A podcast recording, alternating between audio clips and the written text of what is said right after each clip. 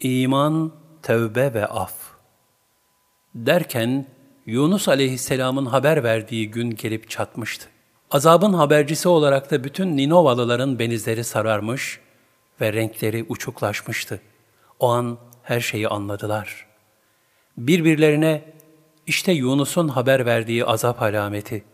Biz onun bugüne kadar yalan söylediğini hiç görmedik diyerek gelen azaptan büyük bir korkuya kapıldılar. Gökyüzü kararmaya başladı. Herkes feryat halindeydi. Çaresizce bir ümit kapısı aradılar. Birbirlerine eğer Yunus aramızdaysa korkmayın.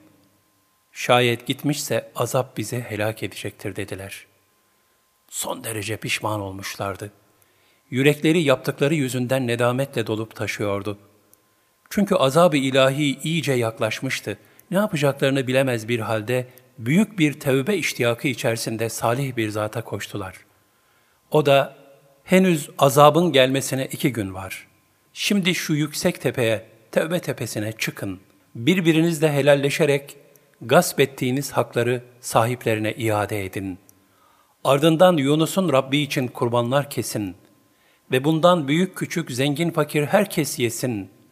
Sonra başlarınızı açarak, Ey Yunus'un Rabbi! Biz tevbe ettik, sana inandık. Yunus'un peygamberliğini de kabul ettik. Yunus'u bulduğumuz an, ondan senin emir ve yasaklarını öğrenip tatbik edeceğiz diye yalvarın dedi.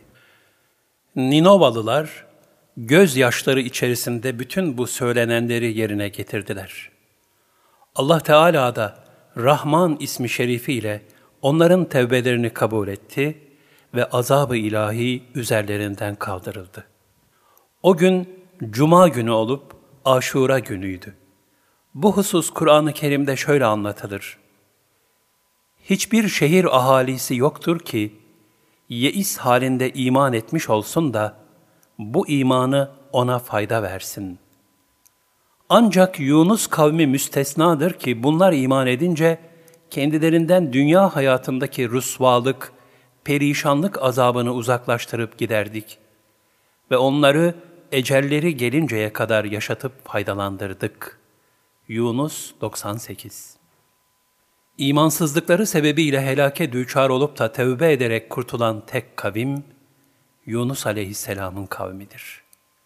Bu lütfu ilahinin farklı bir tecellisidir ve Yunus suresinin pek çok ayet-i kerimeleri rahmet-i Rahman'ın azab-ı ilahiden daha ziyade olduğunu beyan eder.''